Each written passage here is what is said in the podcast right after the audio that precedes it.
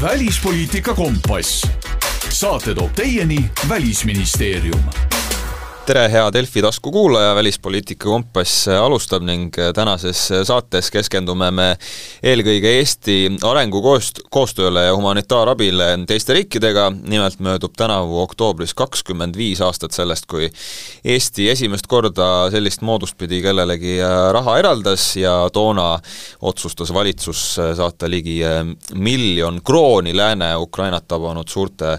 üleujutuste tagajärgede leevendamiseks. ja peale seda on arengukoostöö juba Eestis täitsa tavaline ja igapäevane asi, mina olen Brent Pere ja mul on täna hea meel äh, saates sel teemal tervitada Välisministeeriumi asekantslerit Marin Ratnikut, tere päevast! tere! Teeme kõigepealt mõisted selgeks, enne kui me läheme siin asjadega kuhugi kaugemale, mis asi see arengukoostöö nüüd täpselt on? jaa, arengukoostöö on äh, arenguriikidele suunatud toetus ja seda näiteks koolituste näol ja mille eesmärk on siis toetada nende riikide pikaajalist arengut, vaesuse vähendamise vastu võidelda ja kindlasti ka demokraatia arendamist toetada. kakskümmend viis aastat, lähme kõigepealt siis sinna algusesse ära, kui oodatud või ootamatu see samm oli aastal üheksakümmend kaheksa, kui tegelikult ju riik oli juba nii-öelda esimesed aastad kenasti uuesti taasiseseisvusena ära elanud ei no ilmselt olime me jõudnud üheksakümne kaheksandaks aastaks, millal me siis esimest korda seda abi andsime, tookord siis humanitaarabi, mis on äh, jällegi, teeme mõisted selgeks, äh, on, on elupäästev abi konfliktis või looduskatastroofiga seotud olukorras. et äh, sellel hetkel Eesti jõudis arusaamisele, et need vajadused Ukrainas olid niivõrd suured, et see toetus oli vajalik ja meil oli võimalus seda sellel hetkel teha milline see suhtumine toona oli, ähm, just mõeldes sellele, et see oli siiski uus asi, et me anname kellelegi selliste asjade jaoks raha, mida ühiskond sellest arvas? Ma ei oska seda päris täpselt öelda, et üheksakümne kaheksandal aastal ei töötanud isegi mina veel Välisministeeriumis, aga aga ma arvan, et see pigem äh, oli toetav, sest äh, noh, Ukrainaga side ja suhe on olnud Eestil ju ajalooliselt pikk, läbi äh, inimkontaktide eelkõige, nii et ma kujutan ette, et see, see toetus oli suhteliselt suur. No nüüd tänapäeval on ka peamine nii-öelda toetuskoht ju ongi Ukraina, eriti mis puudutab nüüd Venemaa sõda seal võtame kõigepealt nüüd, kui me jõuame puhtalt selleni, et mida praegustel päevadel, isegi hetkedel enam-vähem Ukrainas tehakse, sest et teada on, et ka praegu on seal äh, välisministrid äh, kohal, siis äh, Välisministeeriumis on aastal kaks tuhat üks loodud selline asi nagu arengukoostöö ja humanitaarabi büroo. mida see kujutab endast, millega seal tegeletakse? Ja seda arengut selle kahekümne viie aasta jooksul näitab juba see, et kaks tuhat üks loodi üks büroo, äh, kus siis oli alguses äh, paar inimest, mingil hetkel suurenes kümnekonna inimese äh, suuruseks, aga tänaseks on meil olemas terve osakond, mis ühelt poolt tegelebki arengukoostööga ja teiselt poolt humanitaarabiga. see näitab ka seda, kui palju see maht on ajas kasvanud, mida on vaja teha, see ei tule mitte sellest näiteks, et humanitaarabi puhul, et me tohutult tunneksime, et me peaksime igas maailmanurgas äh, tegutsema, vaid see tuleb ka reaalsetest vajadustest, nagu öeldud, humanitaarabi on selleks, et konfliktides ja looduskatastroofides toetada äh, neid riike, neid piirkondi ja päästa elusid, ja nagu me näeme, siis viimasel ajal on paraku need situatsioonid kasvanud ja see vajadus on ka kasvanud. et jaa, arengukoostöö on ka meil laienenud, eks ju, me alustasime millalgi äh, riikides nagu Ukraina, Moldova ja Gruusia, kelle arengukoostöösse ja arengusse me panustasime, Afganistan Afganistan oli üks meie sihtriike, tänaseks me oleme laiendanud äh, seda ka näiteks Aafrikasse, et, äh, et need äh, valdkonnad, meie võimekus ja teadmised on aja jooksul nii palju kasvanud, et, et me suudame täna rohkem ja paremini panustada. mis need kriteeriumid on, mille järgi neid riike valitakse, et sinna on vaja arenguabi jaoks raha saata ja sinna ei ole ja nii edasi? No arengukoostöö on selline,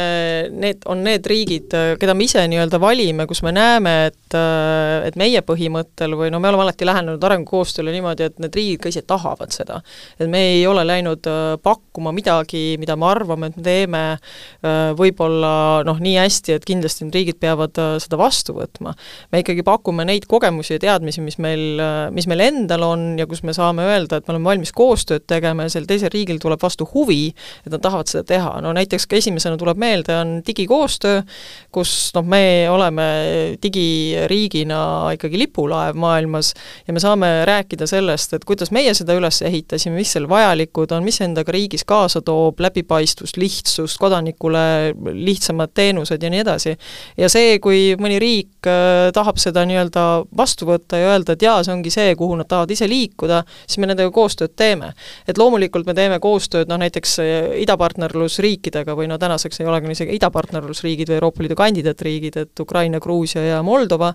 kes noh, on meile ka ajalooliselt ja, ja, ja nii-öelda sisuliselt äh, noh, lähedal, kus me saame, kus me saame neile pakkuda seda äh, sidet ja meil on nagu seosed ja, ja tutvused nii-öelda all olemas. et Aafrika riikide puhul on, on see meie valik olnud just selle najal, et kus riikidel endal on huvi ma ei tea, kui palju seda, te seda avada saate, aga uudishimust, et kuidas see suhtlus omavahel käib, et võtab näiteks mingisugune Aafrika riik Eestiga ühendust, et tere, meil on vaja abi digiriigi ülesehitamisel või on see pigem vastupidi, et meie otsime sealt partnereid, kellele abiks olla? no see on kujunenud aja jooksul, et äh, see ei ole nii, et äh, me nüüd lähme ja otsime konkreetsest kohast, ma arvan, suure tõuke selliseks koostööks andis just äh, see protsess, kus Eesti taotles Julgeolekunõukogus ÜRO-s mittealalise liikme staatust, me tegime tohutut kampaaniat üle, üle maailma, suhtlesime väga paljude riikidega, kellega me võib-olla tavaliselt üldse ei suhtle või nii tihti ei suhtle, ja sealt said ka Aafrika puhul väga paljud need tutvused ja kontaktid alguse. ja, ja loomulikult üks element, mille vastu hästi palju huvi tunti, oligi digiühiskonna arendamine, aga näiteks haridusküsimused. et äh, sealt on need suhted edasi arenenud ja, ja selle järgi me oleme ka neid äh, püüdnud siis, äh, neid kontakte hoida ja koostööd arendada. nüüd rääkides humanitaarabist, eks selle kohta ole ka palju küsimusi teinekord, et miks ühe, ühte kohta antakse raha, teise kohta ei anta, et kust siis need piirjooned lähevad. kas on üldse olemas mingisugune üldine reeglistik, et kuidas ja mis juhtudel me anname ja mis juhtudel me ei anna? No tegelikult me püüame, see sõltub alati selle õnnetuse või vajaduse suurusest ja ka sellest, äh, mida, mida riigid ootavad teistelt äh, maailma riikidelt, see sõltub ka sellest, mida me saame anda, milline võimekus meil on. et väga tihti paljudes riikides äh, meil see ligipääsuvõimekus on piiratud või see, mida küsitakse, on piiratud, mida me saame pakkuda. me saame kindlasti pakkuda alati rahapõhist abi läbi siis rahvusvaheliste organisatsioonide, kes selles riigis konkreetselt tegutseb. aga kui on tegemist äh, näiteks teatud laad-, looduskatastroofide puhul just äh, olukorraga, kus küsitakse väga spetsiifilist varustust või väga spetsiifilisi meeskondi, siis äh, mida tavaliselt pakub Eesti, Eestis siis Päästeamet, kellega me koostööd teeme, äh, siis meil ei pruugi olla seda võimekust lihtsalt ja, ja siis jääb see abi võib-olla kas andmata või, või me just keskendume rahapõhisele abile, et noh, viimasena võibki näiteid tuua Liibüa üleujutustest või Maroko maavärinatest, et Maroko näiteks ei pöördunud laias plaanis paljude riikide poole abi saamiseks, ütles, et nad saavad valdavalt ise hakkama Äh, samas me otsustasime ikkagi toetada ka nende tegevust seal katastroofile reageerimisel rahaliselt. Liibüa on keeruline riik, arvestades seda, kuidas teda on juhitud ja, ja nii edasi, et äh, sinna nüüd nii-öelda kas või meeskonda saata on, on nagu keeruline, sest me ei tea, millistes tingimustes ja kuidas äh, sinna üldse ligi pääseb, et äh, sealgi leidsime siiski, et on oluline näiteks rahaliselt äh, toetada Rahvusvahelist Punast Risti, et nad saaksid siis kohapeal toimetada ja inimesi aidata nii et selle Maroko puhul võibki öelda, et tegemist on justkui sellise annetusega, et kuigi nad ise ei küsi, siis meie vaatame, et no pigem peaks ikka andma, lihtsalt et olukord on piisavalt hull. ja, ja loomulikult, et me ikkagi eelkõige noh, proovime siis reageerida jällegi nii, et need riigid, äh, vastavalt nende riikide vajadustele, et, äh, et see kõige paremini aitaks neid ka selles olukorras, et äh, me otsime seda kanalit, mis aitaks neid kõige paremini. millistel juhtudel me seda humanitaarabi ei anna, isegi kui küsitakse, see on näiteks hiljuti alles Kreeka maastikupõlengud olid üks teema, mis tekitas meedias natuke küsimusi no tegelikult on nii, et humanitaarabi anname ikkagi, ikkagi valdavalt et äh, igal juhul, kui, kui sellises küsimuses meie poole pöördutakse, aga humanitaarabi selles kontekstis äh, Eesti riik annab eelkõige arenguriikidele, kellel seda kiiresti on vaja. Euroopa Liidu riikidega, nagu Kreeka näiteks äh,, ka, ka seda võimalust me otsisime äh,, kuidas, kuidas neid aidata ja mil viisil, siingi oli üks piirang see, et äh, meil sellist võimekust, nagu äh,, nagu neil vaja oli sellel hetkel äh, tulekahjude kustus, kustutamiseks sellisel maastikul, mis on Kreekas, meil sellist oskusteavet ei ole. et, äh, et see oli ük-, üks piirang ja, ja noh, natuke piirab meid ka teatud Eesti seadusandlus, mis ütleb, et äh, me arenenud riikidele äh, täna väga hästi humanitaarabi anda ei saa nii et sisuliselt ongi olukord selline, et kui tõesti on sellised situatsioonid just Euroopas, siis meil on keeruline seda abi tegelikult anda, sest et lihtsalt regulatsioonid panevad natukene käe ette ja me saame seda teha teatud kontekstis elanikkonnakaitse mehhanismide järgi läbi Euroopa Liidu kriisihalduse, et, et aga need on hoopis teised kanalid. Nüüd äh, minnes edasi Ukraina juurde, mis kindlasti praegu kõige rohkem seda humanitaarabi ja üldse abi tervikuna läänelt ja ka Eestilt äh, vajab, siis mis meil seal need peamised äh, suunad praegu on, alustame siis konkreetsetest näidetest, Ovrutši lasteaed on asi, mis on saanud ka maailmameedias palju tähelepanu, sest et see on sisuliselt esimene sellelaadne toodang, mis on üldse Ukrainasse sõja alguses siis üles ehitatud, kuidas selleni üldse jõuti? Jaa, et Eesti reageeris ühena esimestest äh, president Zelenskõi üleskutsele, et äh, riigid võtaksid enda nii-öelda hõlma alla või patronaaži alla ühe regiooni, mida nad siis aitavad äh, sõjapurustustest kiiresti taastada. ja meie reageerisime kiiresti, valides selleks Žõtomõri regiooni, jällegi põhjusel, et meil olid seal kontaktid eelnevalt olemas, koostöö mingil määral juba oli, oli teada ja tuntud. sealt omakorda regioon esitas iseenda prioriteetide nimestu, millised on need äh, kiired vajadused, millega kohe saab alustada, erinevad projektid, seesama lasteaed oli üks neist, äh, noh, me esi-, ehitasime valmis esimese osa, me nüüd laiendame seda vastavalt vajadustele äh, suuremaks. Ja, ja teine oli sild, mis, mis oli purustatud ja selle taastamise vajadus, mida me siis toetasime veel kord miljoni euroga. ja järgmised projektid on samamoodi, töös on meil perekodu põhimõttel lastekodude ehitamine, me teeme seda nii koostöös Žõtomõri regiooniga, aga ka äh, esimese, Ukraina esimese leedi Olena Zelenska fondiga. et äh, see kõik on äh, vastavalt nende enda vajadustes, on ka meie üks põhiline põhimõte, kuidas me Ukrainat toetame, et nende vajadustest lähtuvalt et aga see ei ole mitte ainult, me ei, ei raja nüüd seal maju või, või paranda sildu, vaid sellega kaasas käib ka äh, nii-öelda teadmiste pakkumine, et milline näiteks peaks olema tänapäeva alusharidus, ehk siis lasteaiakasvatajate koolitus,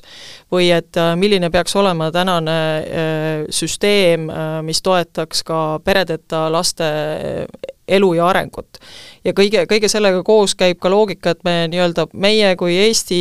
ikkagi suhteliselt väikese rahalise panuse ja võimekusega riik, äh, anname nii-öelda seemne mõtte, millest saaks arendada võib-olla ka laiemat äh, süsteemi ja loogikat, et äh, haridussüsteem on näiteks see, mis meil endal on ikkagi üsna tugev maailma mastaabis vaadates, et täna, kui Ukraina peab sisuliselt lisaks sellele, et ta peab ka paraku sõda pidama Venemaa vastu, peab ta põhimõtteliselt uuendama kogu oma riiki või seda reformima ja haridussüsteemi uuendamine on kindlasti üks sellest näiteks. aga me toetame ka digiriigi arengus väga tugevalt Ukrainat, tegime tegelikult seda enne juba, enne sõda, aga täna on see veelgi intensiivistunud, et äh, kogu äh, Ukraina riigi digitaliseerimine on paljuski koostöös meiega, loomulikult seal on ka teisi, äh, teisi suuri koostööpartnereid, aga me väga tihedalt toetame, toetame seda, et et see on see, mille, millise loogikul me ülesehitamise tegeleme Ukrainas. teine pool Ukrainaga koostöös on humanitaarabi andmine et humanitaarabi jällegi me anname ikkagi seal piirkonnas ja nendele äh, inimestele eelkõige, kus, äh, kus see vajadus on kõige suurem, ehk noh, need, kellel on kõige rohkem, kas nad on ohustatud äh, või või nad on kõige nõrgemas olukorras täna, me teeme seda koostööd läbi meie strateegiliste partnerite Eestis, keda on neli, neid on Päästeamet, Terviseamet äh, ja siis kaks äh, mittetulundusühingut, Pagulasabi ja Mondo, ehk äh, läbi nende ja koos nende partneritega oma, omakorda koha peal. et see keskendub noh, erinevad organisatsioonid teevad seda erinevalt, Päästeametiga leiame võimalusi toetada Ukrainat demineerimisküsimustes näiteks, aga pagulasabi äh, annab rahapõhist abi just nimelt väga lähedal konfliktjoonele, täna äh, nii-öelda ründejoonele, kus inimeste vajadused on, äh, on väga suured äh,, samas peavad nad ise otsustama, mida neil kõige kiiremini sellel hetkel vaja on, et see on hästi paindlik. ja Mondo tegeleb äh, väga tänuväärselt äh, lisaks näiteks eelmise hooaja äh, talveks valmistumise kontekstis generaatorite saatmisega, aga ka täna koolisüsteemis äh, psühholoogide toetamisega, psühholoogide hari-, harimisega, õpetajate harimisega, et nad suudaksid täna olukorras, kus väga paljud lapsed vajavad äh, vaimse tervise kontekstis tuge, tegelevad selle süsteemi arendamisega, nii et need on väga mitmekülgsed asjad, äh, millega me täna tegeleme. Kui organisatsioonidest juba juttu tuli, siis äh, kahe tuhande kahekümne esimese aasta aprillis loodi ju ka Estev, millega Estev äh, nüüd täpselt alates sellest ajast tegelema on hakanud, mis nii-öelda koormuse nad sealt Välisministeeriumi küljest ära võtsid enda peale? Jaa, ESTEV ehk Eesti Arengukoostöö äh, Agentuur tegeleb kõige selle praktilisega, mis puudutab äh, erinevate koostööprojektide elluviimist. et see loogika ongi jagatud nii, et äh, täna Välisministeerium annab nii-öelda välispoliitilised suunised, kellega me ja, ja mis teemadel me arengukoostööd teeme, ja STEV on siis organisatsioon, kes viib neid sisuliselt ellu, sest iga arengukoostöö projektiga käib kaasas paratamatult väga suur bürokraatia, arvestades tegemist on Eesti riigieelarveliste vahenditega. et äh, see koostöö täna on, äh, ma arvan, väga hea, see on, äh, paraneb järjest, et see süsteem loksub paika, sest STEV on alles tänaseks kaks aastat vana, et aga me juba täna näeme, et just nimelt tänu STEV-i olem-, olemasolule kõik need noh, lasteaia ehitamine, silla ehitamine ja nii edasi, kõik need projektid on, on saanud kiirelt käima. kui palju äh, teile on sellist äh, kuidagi vastakat äh, tagasisidet tulnud, et olgu, Eesti ehitab seal lasteaia valmis, ehitab silla valmis, mis iganes, aga sõda ju käib, ehk siis need võidakse jälle uuesti maha lasta. et kas sellest on mingisuguseid küsimusi või poleemikaid tekkinud, et kas sellel on praegu mõtet? Jaa, ikka küsitakse, sest ütleme nii, et äh, mitte kõik riigid ei ole valmis täna juba äh, põllul Ukrainas toimetama, et meie oleme valmis seda tegema, me näeme, et Ukrainal on ka täna vajadus äh, elada oma elu edasi, sõltumata sõjast, nii nagu äh, kas nad on harjunud või vähemalt on võimalik täna, et äh, lõpptulemus on see, kui inimestel on olemas tänane infrastruktuur, mida meie siin teame, et meil on vaja, koolid, lasteaiad, sillad, poed äh, ja nii edasi, siis see aitab ju tegelikult sellel ühiskonnal ka edasi toimida. peame arvestama selle juures ka seda, et äh, mitte ei ole Ukrainast välja rännanud väga palju sõjapagulasi, vaid on ka Ukrainas sees väga palju inimesi liikunud ja selle tulemusena näiteks sama lasteaed toetab ka nii-öelda Ukraina sisepõgenike äh, edasist elu, sest ega see regioon ei ole harjunud nii paljude inimestega, kes on lahkunud ida poolt. et kõik see tegelikult tegelikult toetab ka seda, et Ukraina suudab ise äh, riigina ja majandusena edasi toimida ja, ja inimesed äh, suudavad nii palju kui vähegi võimalik äh, oma elu edasi elada seal, kus nad elavad see, et meie oleme esimesed projektid juba valmis saanud, siis kas see on ka just see väike positiivne asi, mis meil on lihtsalt väikse riigina võimalik, ehk siis meil need bürokraatlikud rattad liiguvad natukene kiiremini kui näiteks suurtes riikides? Jaa, kindlasti. Ja noh, meie valisime eelmisel aastal, kui, kui me asusime Ukrainat ület-, ületust ehituslikult toetama just nimelt selle tee, et me suudame tõenäoliselt ise ja otse kahepoolselt Ukrainaga suheldes need äh, projektid kiirelt ellu viia ja me näeme kiirelt tulemusi. väga paljud riigid, äh, kellel on kindlasti ka suuremad rahalised vahendid, ähm, teevad neid äh, nii-öelda, suunavad selle suurtesse rahvusvahelisse organisatsioonidesse, kes alles tegelevad kogu selle suurema, suurejoonelise planeerimisega. et noh, me oleme võib-olla ka natuke kannatamatud, aga kindlasti on meil see lihtsus asjaajamises suurem kui väga väga suurtel äh, süsteemidel. Kui võtta veel parasjagu aktuaalseid teemasid äh, maailma välispoliitikas, siis Armeeniast, äh, Aserbaidžaanist on palju juttu, kas ja milline on see Eesti tegevus seal suunal? no me praegu ausalt öeldes vaatame, mis on need täpsed arengud ja, ja meil toimusid ka siin vestlused Armeenia kolleegidega just paar päeva tagasi, et kahtlematult see, et see suur põgenikevool nüüd siit Mägi-Karabahhiast Armeeniasse liigub, siis me jälgimegi, et millised võivad olla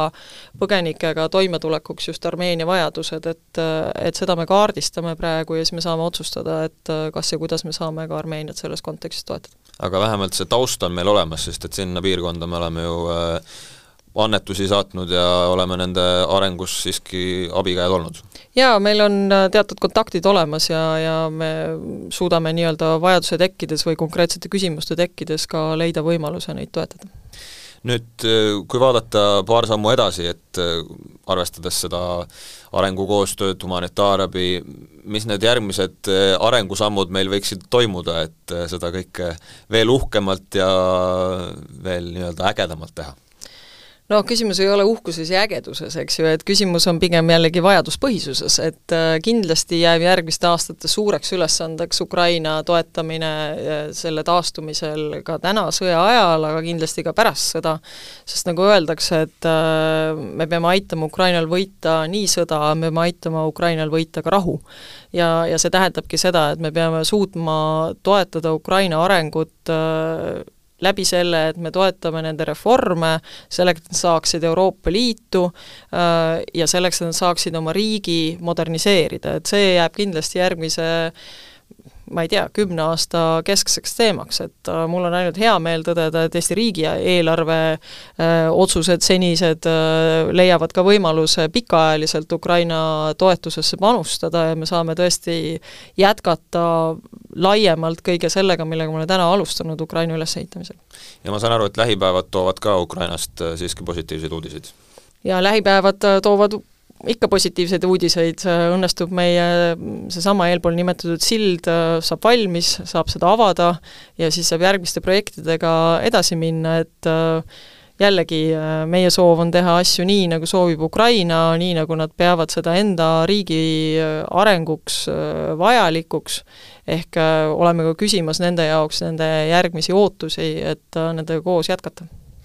välisministeeriumi asekantsler Mariin Ratnik, suur tänu stuudiosse tulemast ja jõudu siis järgmiseks kahekümne viieks aastaks! jah, aitäh! välispoliitika kompass. saate toob teieni Välisministeerium